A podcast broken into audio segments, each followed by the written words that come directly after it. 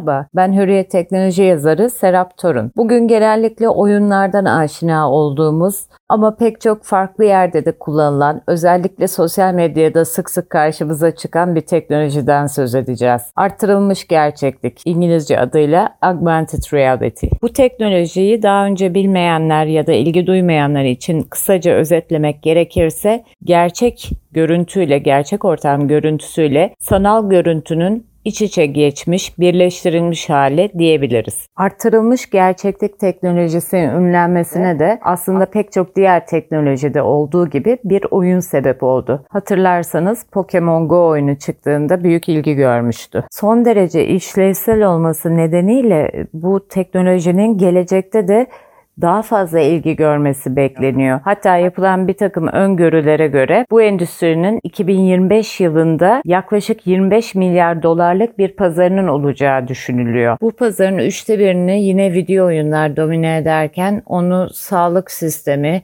mühendislik, şehir planlama, emlak ve eğitim sektörü takip edecek. Günümüzdeki kullanımına baktığımızda ise daha çok pazarlamada kullanıldığını görüyoruz. İ-ticaret sitelerinden yaptığımız alışverişlerde bildiğiniz gibi ürünleri deneme şansımız olmuyor. Fakat arttırılmış gerçeklik sayesinde ürünleri almadan önce giymiş gibi üzerimizde deneyebiliyoruz. Yahut ıı, herhangi bir ayakkabının nasıl görüneceğini, bir makyaj malzemesinin renklerinin nasıl olduğunu bize yakışıp yakışmadığını yakışmadığını görebiliyoruz. Dolayısıyla ürününü ön plana çıkarmak isteyen markalar için e, bu teknoloji büyük avantaj sağlıyor. Artırılmış gerçekliğin sağlık sisteminde kullanımı da çok ilgi çekici.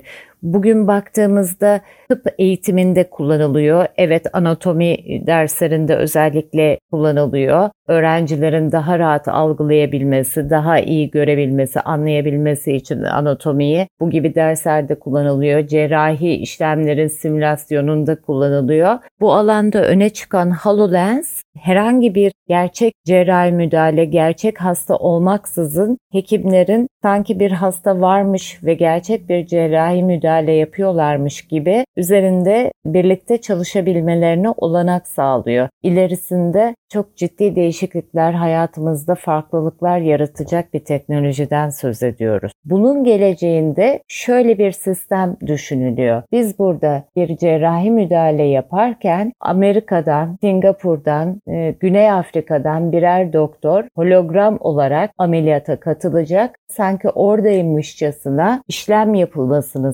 sağlayacak. Gelecekteki sistem e, bu şekilde planlanıyor ve bunun üzerine çalışmalar yürütülüyor. Aynı şey eğitim sektörü içinde geçerli. Yurt dışında eğitime gidebilmek için e, buradan uçağa binip o ülkeye gitmemiz, orada yerleşmemiz, okula kaydımızı yaptırmamız, derslere katılmamız gerekiyor. Ama gelecekteki eğitim sistemi bu şekilde planlanmıyor.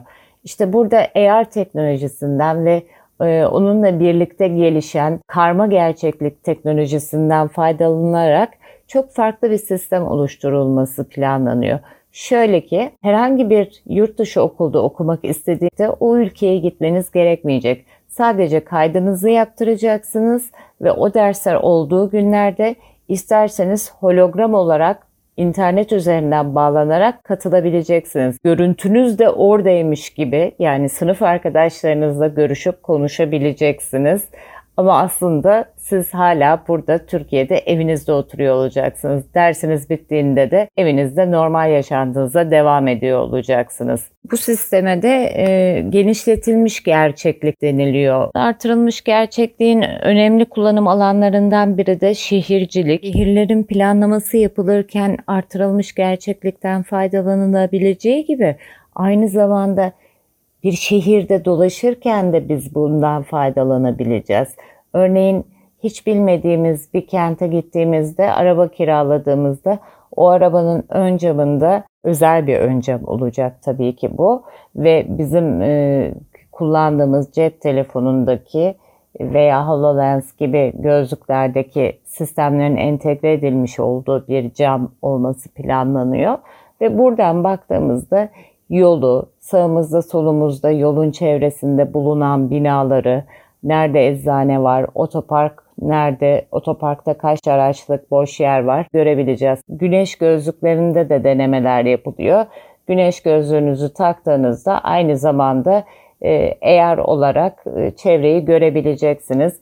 Bu sistemler deneniyor. Hangisi daha işlevselse, hangisi daha e, satışa sunulabilir bir sistemse e, bunun üzerinden devam edilecek.